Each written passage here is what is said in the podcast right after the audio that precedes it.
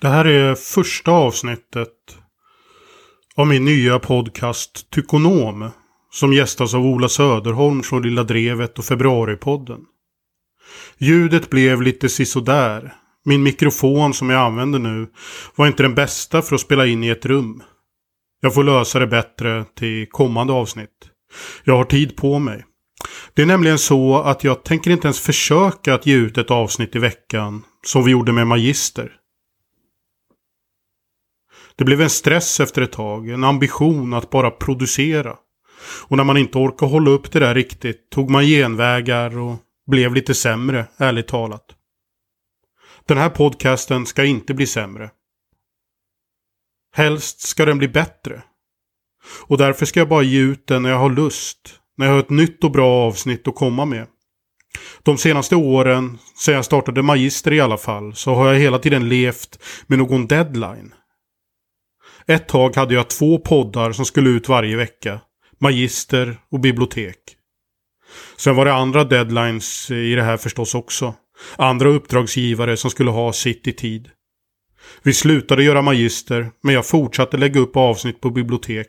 Ännu fler avsnitt än förut faktiskt. Fortsatte att leverera hela tiden till en deadline. Det är en bra metod på sitt sätt. Den har ökat min produktivitet något enormt. Och ju mer jag gör, desto bättre blir jag nog också på det jag gör. Jag skapar mera effektivt, snabbare, friare. Men det är också någonting som går lite förlorat. Att hela tiden möta deadlines handlar om att lära sig att göra klart och bara släppa det man håller på med. Man gör sitt allra bästa och får till det kanske nästan så bra som det kan bli. Sen gör man något nytt istället för att lägga tid på att putsa och förbättra det man redan har gjort klart. Men det betyder också samtidigt att man aldrig riktigt gör någonting exakt så bra som det kan bli om man lägger ner det där allra sista arbetet för att verkligen allt ska bli så jävla bra som det kan bli. Istället för att låta sig styras utav deadlines och leverera sin produkt på samma dag varje vecka så låter man sig styras av det man gör. Man lägger upp sin podd först när man har ett riktigt bra avsnitt, välplanerat och genomtänkt med en bra och intressant gäst. Man gör helt enkelt en så bra podcast som man hinner. Förhoppningsvis ger det resultat, vilket ger en energi att göra ännu mer och bättre avsnitt.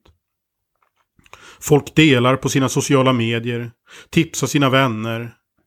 Vill man verkligen ge energi kan man gå in på patreon.com snedstreck tykonom och ge en valfri summa per avsnitt jag spelar in.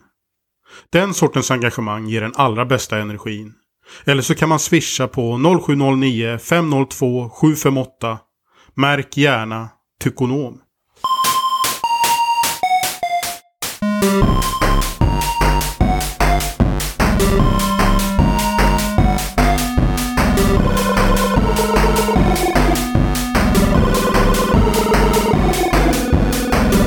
Då hälsar jag lyssnarna välkomna till det första avsnittet av podcasten Tykonom. Eh, och med mig idag har jag Ola Söderholm, eh, ståuppkomiker, poddare och eh, kulturjournalist.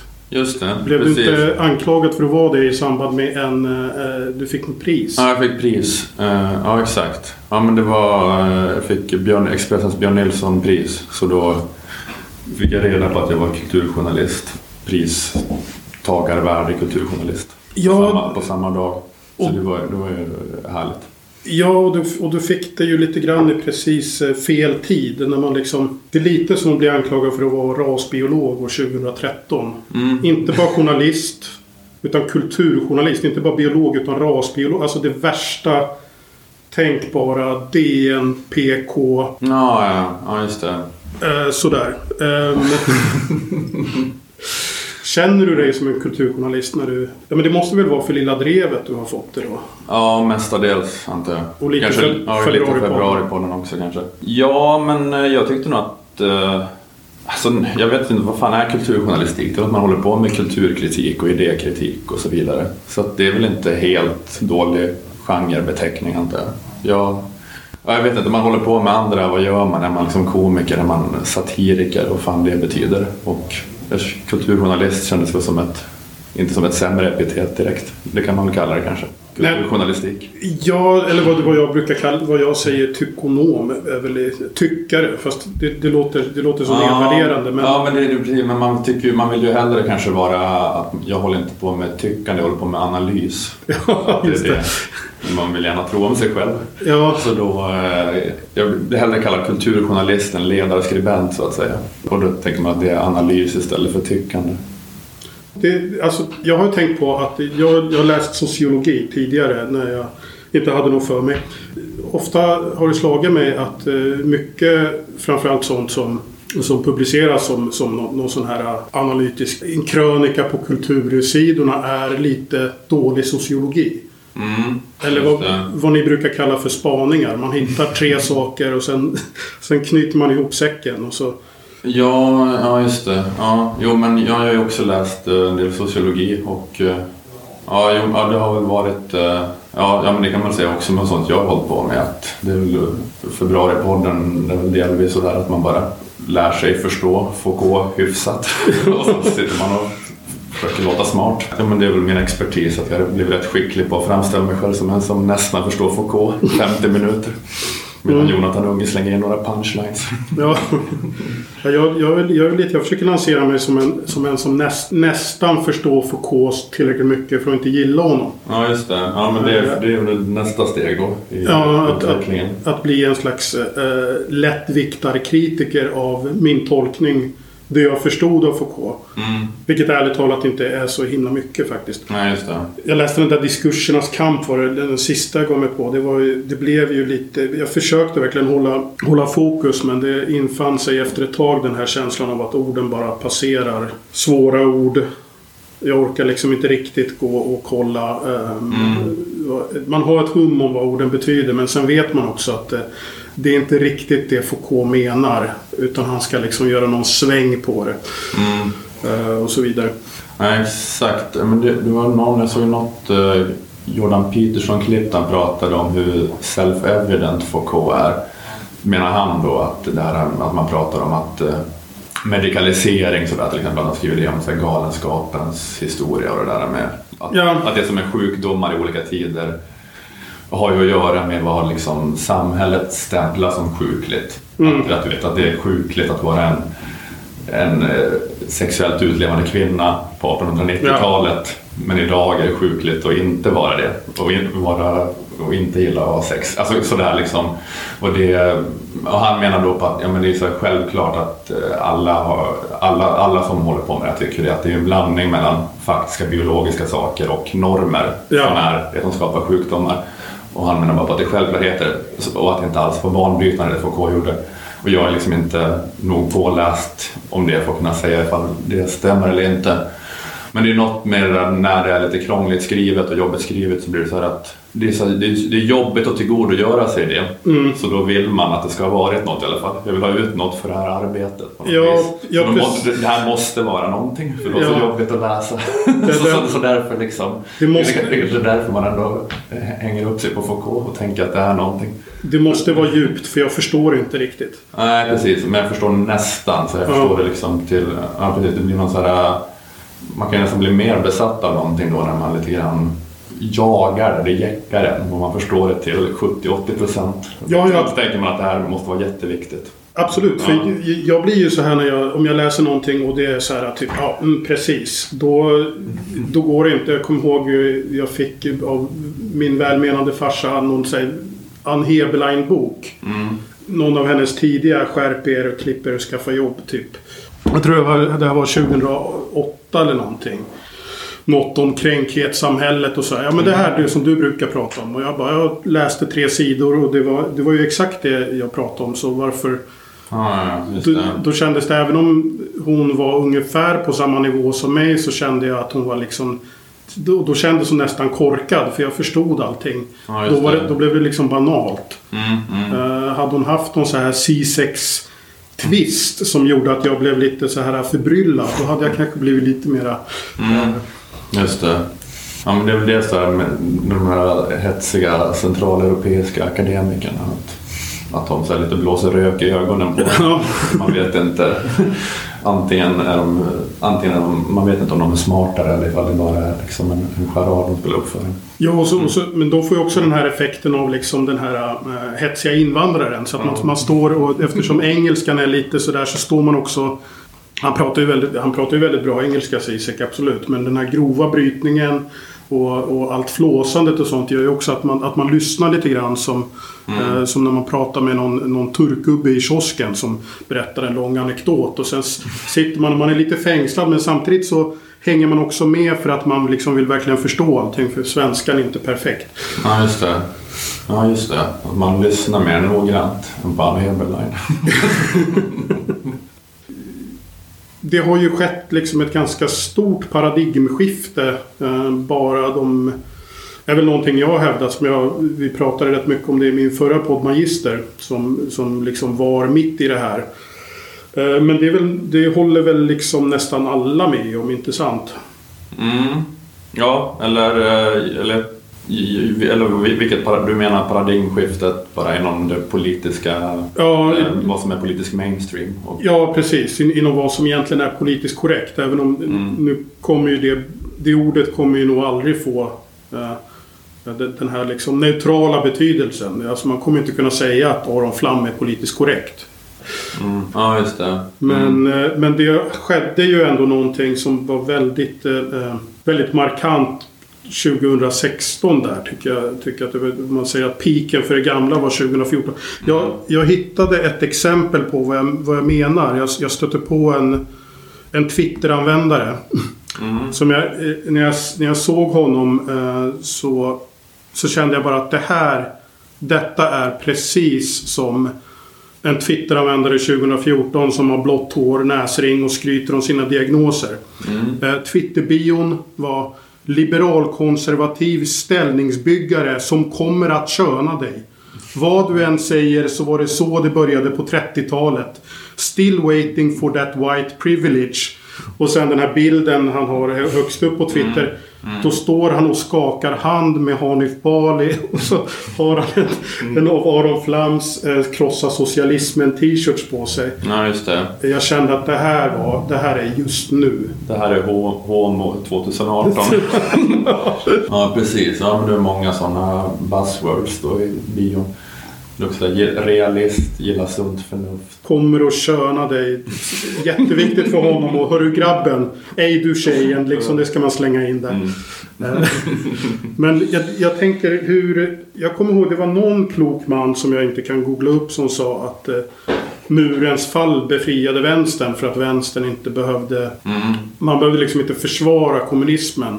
Eh, ett system man inte man inte trodde på och ville bo i men som man ändå hamnade i försvarsställning. Och att det, nu behöver man, alltså de här blåhåren med liksom sina konstiga idéer om att man ska ligga med fula människor för att liksom eh, eh, krossa utseendenormen och, och att, att dreadlocks är rasism. Eh, allt det där det är liksom så här irrelevant. Är det, är det för dig som ändå är väl en, en vänstersnubbe, satiriker. Känner du den, alltså den lättnaden eller blir det tvärtom kanske lite tråkigare att inte ha dem att ta spjärn mot? Um, menar du ta spjärn mot liksom de så här, uh, peak PK-vänstern menar du? Att, uh... Ja precis, för det, de var ju samtidigt ganska roliga på ett mm. annat sätt än den här killen som jag nyss... Man blir ju bara trött när man... Ja, just det. Jag, eh, jag har ju aldrig varit liksom inne i någon aktivistsväng eller sådär. Mm. Att, eller det här med att jag är vänster. Jag vet inte riktigt. Jag brukar säga att jag inte vill bekänna mig till någon annan ideologi än ekofascismen egentligen. Men, eh, fast, fast alla säger ja, ju att, att ja, Lilla Drevet är ju en vänsterpodd ja, i alla fall. Alltså man, ja, man är ju där. Jo, men det, det är klart att eh, det, alltså det, det, ifall folk gör den bedömningen av mig så är det väl kanske, det är kanske rimligt att jag menar, de, de frågor man tycker är intressanta att ställa de kommer ju ur värderingar man har såklart på något vis. Så att, eh, det kan kanske vara så. Eh, men eh, jag, jag vet inte riktigt. Ja, men det är också det här då med om man är satiriker. Det är också ett sådär krångligt begrepp. Men det, jag kanske ändå lite grann har gått i den utvecklingen att jag har varit mindre intresserad av att skämta. Gått, gått lite mer, mer gått, gått bort från skämt mer till analys på Mm. något vis de senaste åren. Och det kan ju dels ha att göra med lathet bara. För att, att skriva bra skämt är liksom det jobbigaste och svåraste man kan göra.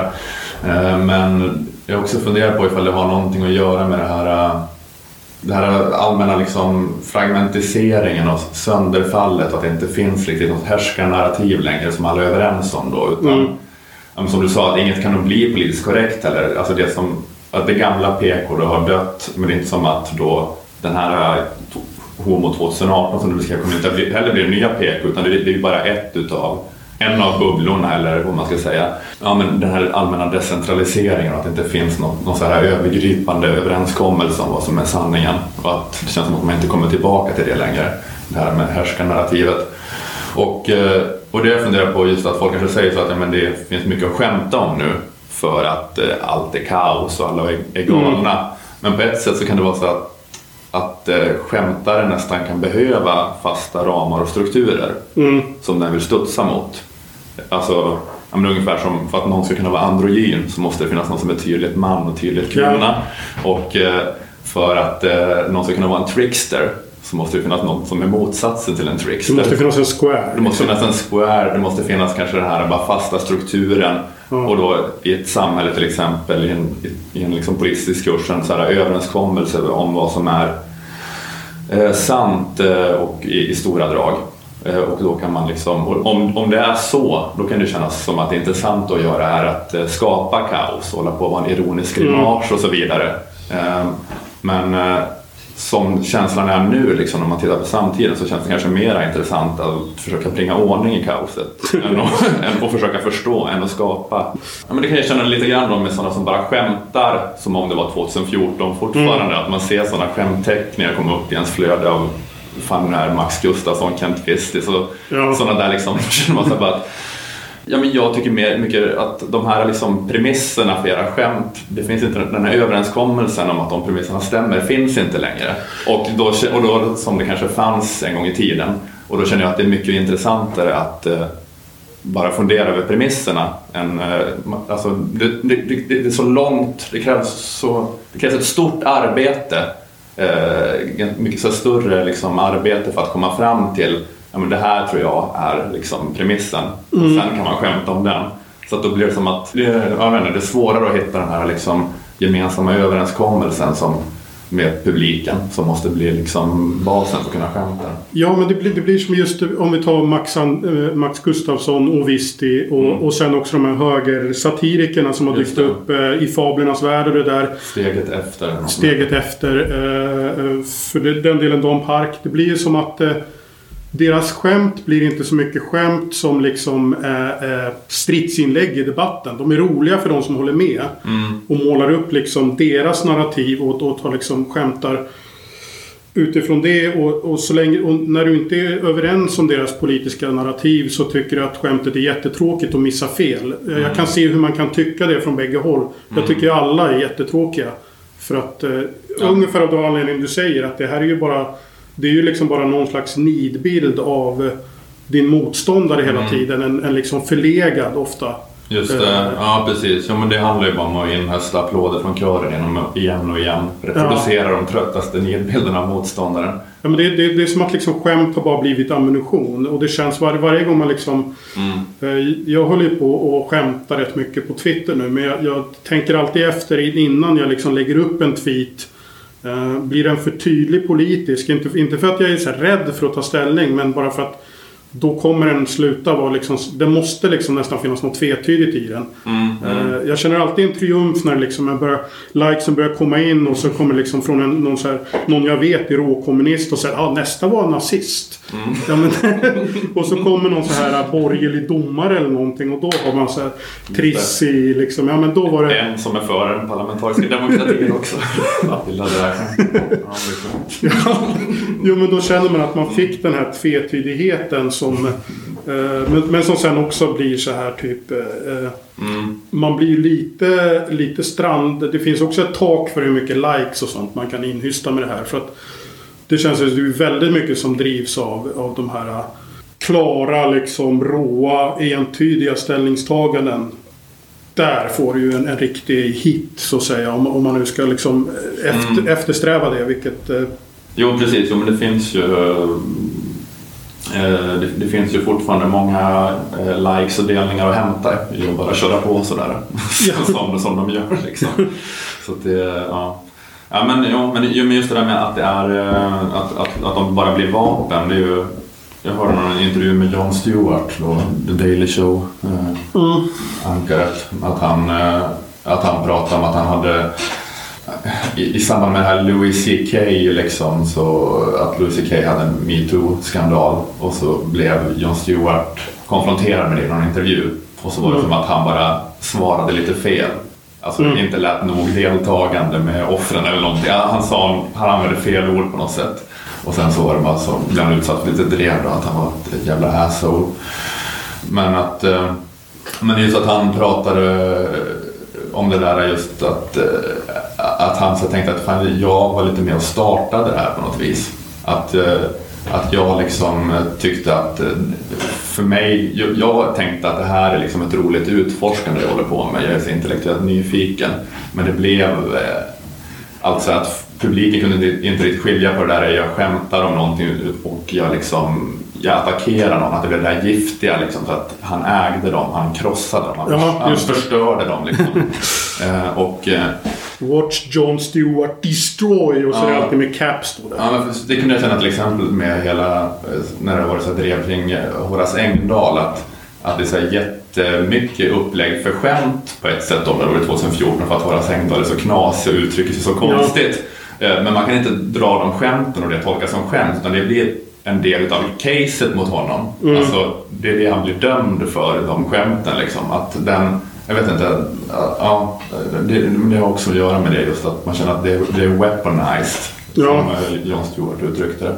Att man skulle vilja göra ett skämt om hur, man skulle vilja skoja kanske i till exempel Lilla Drevet om hur Horace Engdahl bara uttryckte sig när han var med i Nordegren och Epstein. Men folk tar inte det som skämt utan folk tar det som ja fan han, han förtjänar att dö. att, eh, och- Bra, den, den gav ni honom. Ja, så att, eh, ja.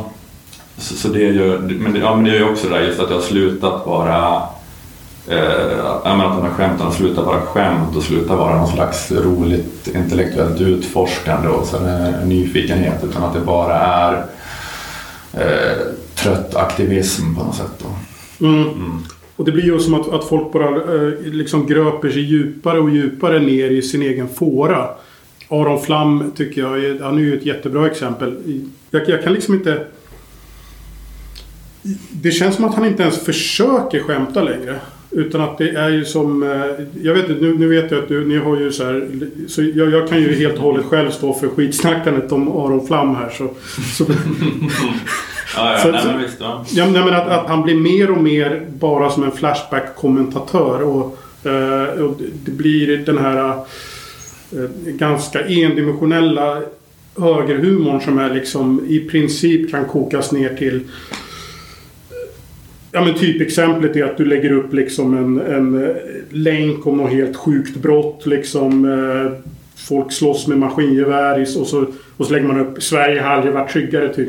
Mm. Den, den nivån. Och så Mm. är liksom inte, eh, in, inte så mycket mer. Och, och jag, jag tror nästan att jag förstår att anledningen till att det är så är det här att Ja men, ja, men dels, eh, jag läste ju någonstans, vilket gav mig ännu mer vatten på min kvarn, att, att likes och delningar och sånt ger en dopaminkick. Mm, så att man blir ju som en Pavlovs kund. Eh, Du lägger upp någonting, Mm. får du jättemycket likes och, och delningar så liksom, då går man vidare åt det hållet och liksom anpassar sig själv. Lägger du upp något som inte ger så mycket, det, det överger du. Och sen förstärks ju för om du liksom dessutom lägger in Swish och Patreon och allt sånt. Så, Ja. eh, och där är det liksom blir väldigt tydligt att liksom så här riktig in your face Mm. eh, ak- arg aktivism. Men det här tvetydiga Mm. eh, svala analysen. Visst, visst, en del kanske gärna läser det men de... de, Han de är haveristhögern är mer betalningsvillig på något Ja, vis. ja, men det är så- Att de bara...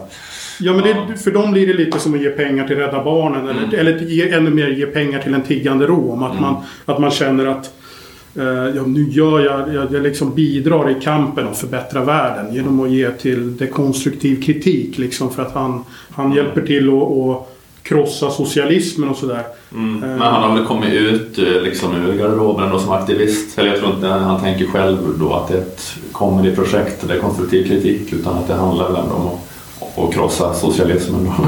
Ja. Eh, Så eh, ja, men, eh, men visst. Men, men det är ju det att eh, Ja, att det blir ju inte eh, satir eller humor och det kanske inte han hävdar heller. Men, men, det, är, men det är så många då, både de här då eh, höger och vänstersatirikerna vi tog upp då, Steget Efter och Max Gustafsson, att det blir ju man, man måste ju vara så, det låter ju väldigt klyschigt, men man måste ju vara så att man inte tar några fångar liksom, eh, Mm. som, som satiriker. Eh, så att, eh, och, och det är ju det är så uppenbart att de då eh, ja, bara har blicken på ena sidan och eh, låter allt passera när det är den andra sidan. Så att, eh, det, ja, det är ju inte så kul helt enkelt. Nej, nej, men man blir liksom lite, lite fången, eh, fången av sin egen publik så att säga. Man, Mm, man ja, liksom det. sina, sina, sina egna likeres gis- gisslan. Mm. Man kan ju märka, för man, man får ju också, särskilt på Twitter får man ju det där, och man, man märker att eh, jag märkte ju, jag drog ju, jag hade väl lite grejer, material som var lite åt högerhållet och sen Mm. så när eh, den här moppe tönt gate Mm. bröt ut så, bara, det. så, så gick jag ut med lite där. Då slu- skalade man av 10 följare sådär väldigt, väldigt Ja, snabbt och just det. effektivt. Ja men det är en väldigt, det är nästan den viktigaste egenskapen om man ska fortsätta vara intressant och rolig att man inte det ska inte bita på en när man får mail som där det står jag brukar gilla dig. Jag brukar gilla dig. Du måste skita i folk. Ja. Brukar gilla dig. Det, det är liksom inte ditt ansvar att någon brukar gilla dig. Nej, Ehm, ja, ja, just det. den var ju eh, en ganska intressant liten affär också. Vi kanske ska recappa. Nu, nu ska jag inte utgå från att alla Nej. som lyssnar på det här har Twitter. För att det här, det här är också en, eh, en väldigt... Eh, någonting, ja, det är någonting som är konstant faktiskt från den gamla världen. Twitter 2014 och Twitter 2018.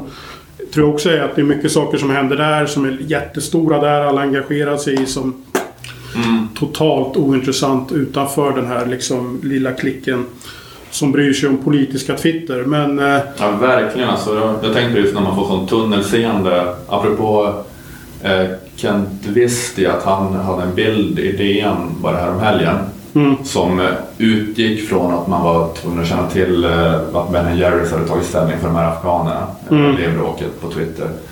Och eh, då eh, var det en... Eh, eh, men då skämtet var typ så här, jag hatar när företagare tar politisk ställning.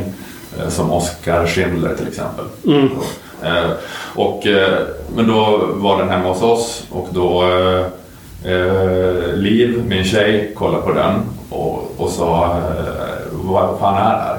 och, och hon är ju då ändå, får man säga, en mera, mycket mer samhällsintresserad människa än genomsnittet. Då.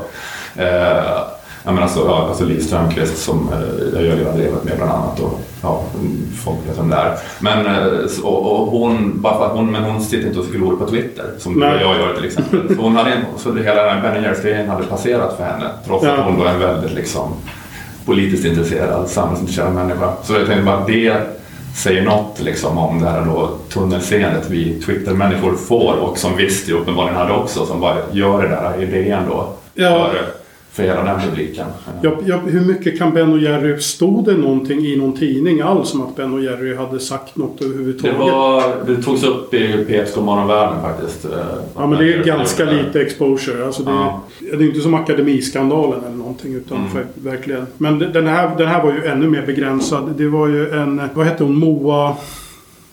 Wallin tror jag Moa Wallin. Eh, hon, hon har väl ett eh, Twitterkonto som kallas Arboga-kvinnan. Det kommer ju två stycken kvinnliga mördare från Arboga. Så, Mm. eh, så att det är ju ganska mycket ett JVVF-konto. Ett Jag vill vara farlig-konto. Som väldigt edgy. Hon la upp en sån här Deadpool-list på kändisar som hon satt och kryssade av som hon trodde skulle dö. Och hon skrev att... La upp något så här klipp från Nordiska motståndsrörelsen och skrev att hon skulle rösta på dem. Så att det mm. är ju lite nästan typ Dan Park innan han tog politisk ställning.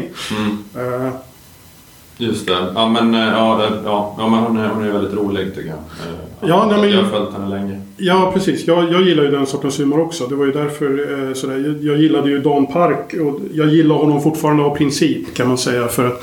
Eh, mm. Mest för liksom bara vad han, vad han representerar på något sätt. Eh, även om jag tycker han inte så ofta är rolig. Men det är kul att han går upp och sätter upp klibbor på, det, på de här extremt... Eh, kränkande saker. De sätter upp?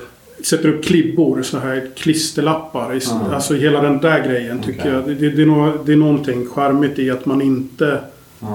satsar på galleri så mycket. Eller när man gör galleri så kommer polisen och griper. Okay, det, det, är fint. Jag har jättedålig koll på Dan Park. Jag har förstått att det är någon ja, provokatör. Så Ar Arboga-kvinnan, edgy humor, eh, eh, slår åt alla håll eller, eller inga alls. Men så la hon upp en det var en lokaltidningsartikel, var det i Stockholm? Nej, jag tror, att, jag tror faktiskt att det var Expressen. Och det, det var någon 15-årig kille som, som satt med en, med en hoj och en, eh, och en, en sån här... Eh, gul reflexväst. Gul reflexväst. De intervjuade honom för att han var han var ett litet eh, medborgargarde som åkte omkring i Täby kyrkby och hjälpte mm. polisen. Just det, med, på moped. På moped. Han åkte runt och spanade typ ifall det höll på att ske något inbrott. Kanske. Ja, ja, ja. Mm. Och polisen berättade att ja, men det, han ringer ibland och sådär. Det mesta mm. leder ju inte någonstans men det är ju trevligt att folk engagerar sig och bla bla bla. Och hon skrev...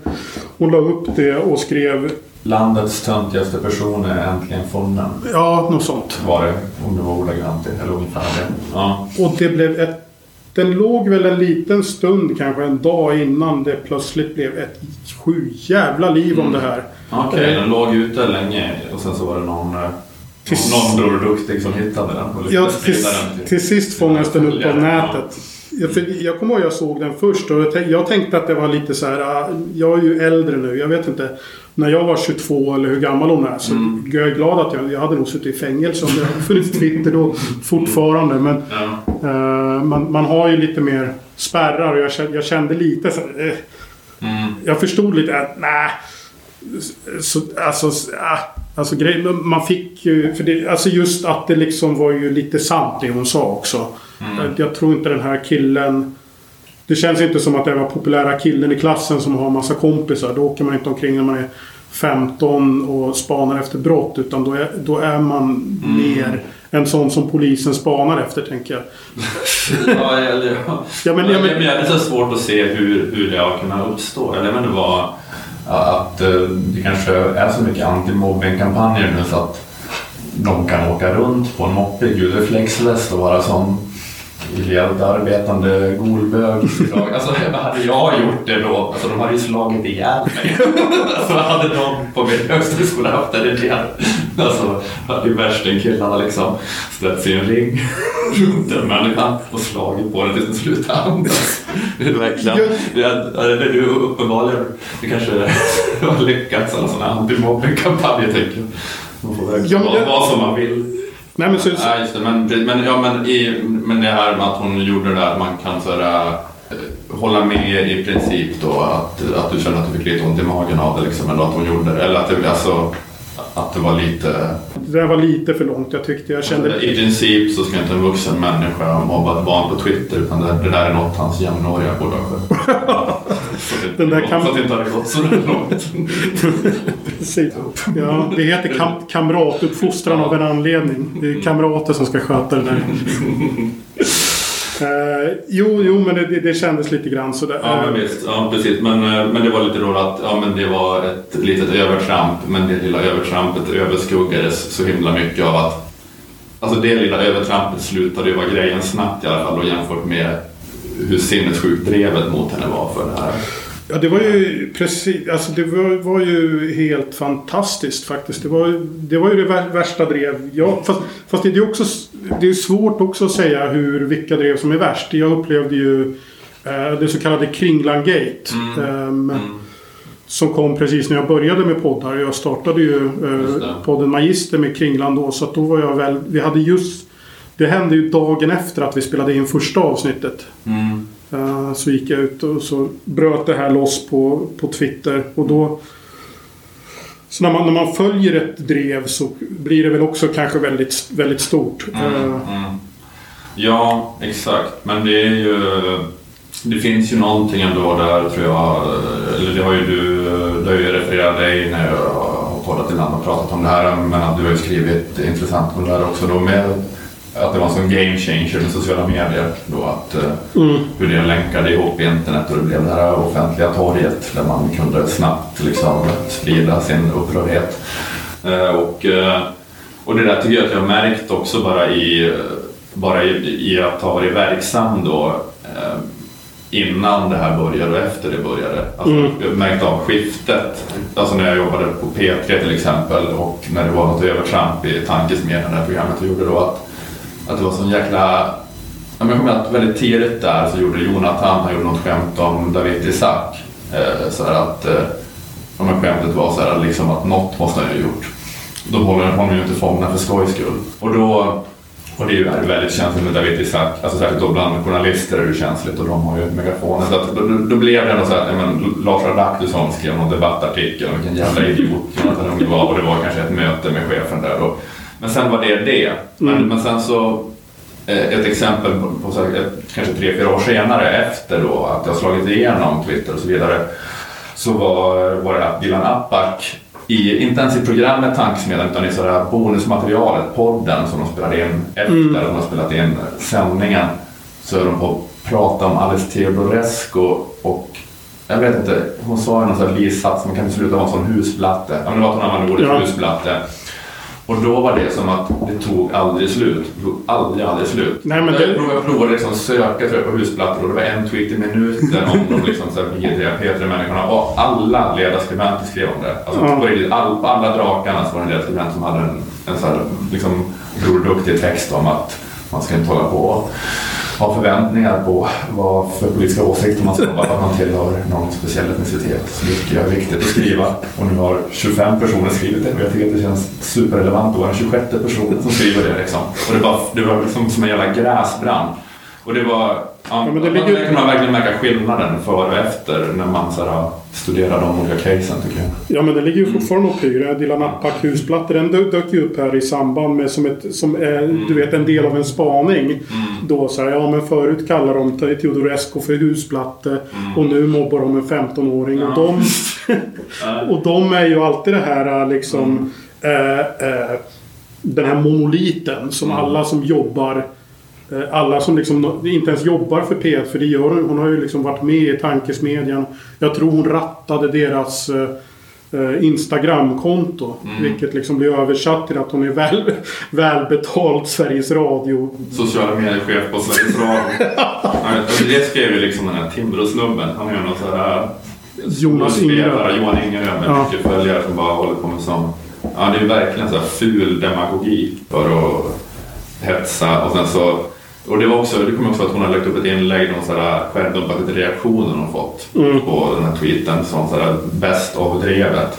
Och det var ju ett så här inlägg om att kolla vad roligt, kolla vilka knasiga Ja, ja. svar jag fått. Men då skrev han så här, hon håller på. Så här, så, var också, ja men det, men det är sant, ja, men att de fortfarande ser det om Dilan. Jag känner lite, det kan göra mig lite sorgsen då att, att Moa, alltså vad, som, vad man gör med roliga människor idag. Att Moa jag får intrycket av att hon är jävligt rolig och begåvad och att det här, ja, jag vet inte, att det, det ändå kommer liksom hänga kvar på ett eller annat sätt. Men jag vet inte. Eller det kanske inte, jag vet, det kanske inte gör heller. Men att det är ändå en sån, som de där liksom papegojorna på den sidan alltid kommer rapa upp. Men det kanske man kan lära sig att skita i. Ja, det- jag kände också att det blev så här störande när, när man då kände vilken roll man, man själv hamnade i. I diskussionen så blir man en så här smug liberal.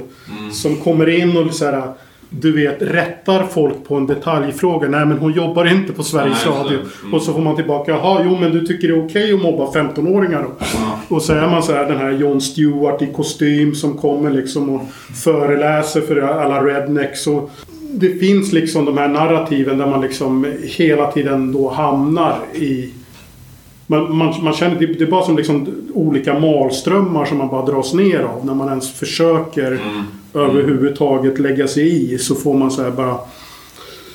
Ja, men man får ju direkt den här... Jag blev ju kallad politiskt korrekt då. Jag blev fullständigt rasande. Jag blev tvungen att så här... Jag, jag satt och skrev en massa... Det, liksom där, din smutsiga lilla bögjävel. Alltså, du vet bara. Och så, så blev jag tvungen att radera för nej men... Det, Ja, du skrev det till den som hade kallat politiskt korrekt. ja, ja, men du vet. Dussin tweet som raderades innan jag liksom till sist kände en nivå.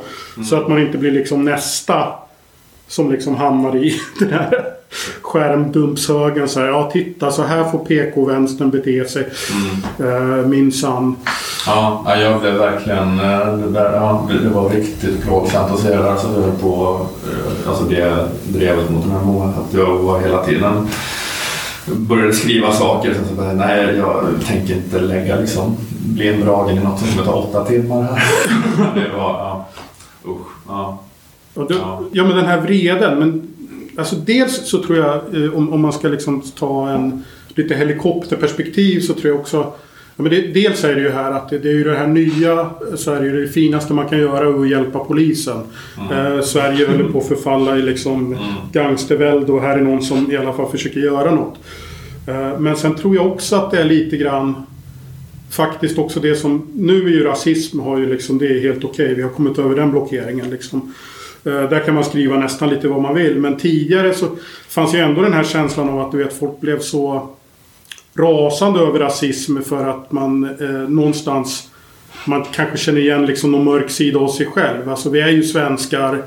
Eh, nästan alla svenskar man någonsin träffar är ju, kan ju liksom tycka, vara lite obekväma med liksom utlevade människor från söderut som pratar högt och ljudligt på främmande språk och, och luk, luktar alltså konstiga lukter och la, du vet. Och att, att det finns en, en slags så här självhat i Mm. att när man känner att så här, typ att peta på någon, Man vet att, ja, eh, att den här killen är en tönt. Man, man känner ju det själv och därför ska ingen säga det. det liksom, Ja, jag, vet att, jag vet att jag är Mm. rasist så det, det ska väl liksom inte... Det, Okej, men alltså, ja precis. eller, eller så, det, det är faktiskt en av... eh, Det där, eh, vi ska, aldrig, vi ska aldrig säga det alla tänker i samhället. Ja, precis, precis. Och det, och det är ju inget, alltså det är något väldigt gammalt tänker jag också med liksom man har haft sexualiteten som, som en sån sak tidigare också. Att det här är liksom, det, det ska ligga i det undermedvetna.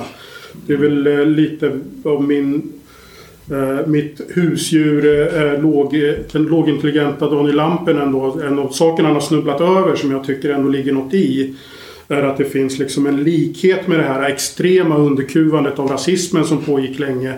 Och underkuvandet av sexualiteten. Att det är någon så här ändå naturlig mörk sida av mänskligheten som man på ett nästan så här kyrkligt sätt ska liksom trycka ner.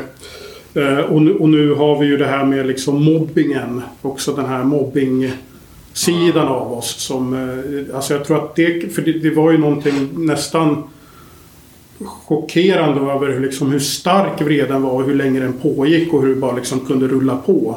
Mm. Eh, Ja, ja precis. Men vad menar du liksom med eh, att menar, det har blivit okej med rasismen liksom? Eller att den inte trycks ner längre? Eller, har det- jag beror kanske på vad man menar med det i och för sig. Ja men det är ju inte, alltså, alltså det är ju inte alls, det var ju, det var ju precis samtidigt så var det ju någon, eh, någon sån här halvstor Twitterprofil som gjorde ett litet, det här, det här klassiska eh, moraliska experimentet. Men hon skulle naturligtvis då jämföra en afghansk eh, ensamkommare med en eh, svensk pojke från hennes egen hemstad och att hon skulle då hellre rädda den svenska pojken från hennes egen hemstad. och det var ju en sån grej som jag känner lite grann för fem år sedan. Mm. Hade väl nog det... Men det såg jag, men blev ändå inte det eh, ett drev mot henne? Eller jag menar... eh, Inte, inte så jätte liksom. Så. Ja, okej. Jag var, eller jag, jag var väl... Inte säga att en moppekille är töntig. Nej, inte, det inte, Men, inte, eh, inte den nivån Nej, direkt. okej. ja. Nej, det- men för det är ändå en sån... eh, ja, precis. Eller jag såg ändå såklart att folk var arga över det, men jag vet inte hur. Ja, men det, det rullade ju liksom inte, inte på riktigt. Och hon, hon fick ju förklara sig och säga, jag, jag var ju med där också. Man, jag var ju ändå... I, I och med det som hände med Moa samtidigt så kände jag att så här, men menar du... Det är ju inte något konstigt det du säger egentligen. Liksom, om du har en kille som du känner. Det är väl inte konstigt att du räddar honom. Det gör väl alla. Så liksom, end of story. Men blev du tvungen att säga att det skulle vara en afghan. Då hoppade någon in och skulle... Det var ju då någon hoppade in och anklagade mig för att vara politiskt korrekt. Då kände jag att... Jag, jag kände lite grann som... Ja. Men samma vrede som jag, folk brukar göra inför att bli kallade för rasist liksom. Att man bara tänker att... Nej det är jag verkligen inte. Nej, nej. Man, man känner att man kanske var det lite grann och då gör det väl ännu argare. Ja, jo precis. Men ändå... eh, Ja, jag vet inte riktigt. Man, eh, någonstans måste man ändå känna då att ja, men, om, det är, om det här är PK, att, det, det är så jäkla liksom... Eller det är ju... Ja, förlåt om jag låter PK nu men jag tycker att det är en vidrig tweet av henne. Jag tycker att de hetsar mot afghaner. Jag tycker att det är obehagligt liksom. Och det är PK, men det får väl vara det då liksom. Ja, du får stå där med skammen. Politiskt korrekt kulturjournalist helt enkelt. Ja, exakt.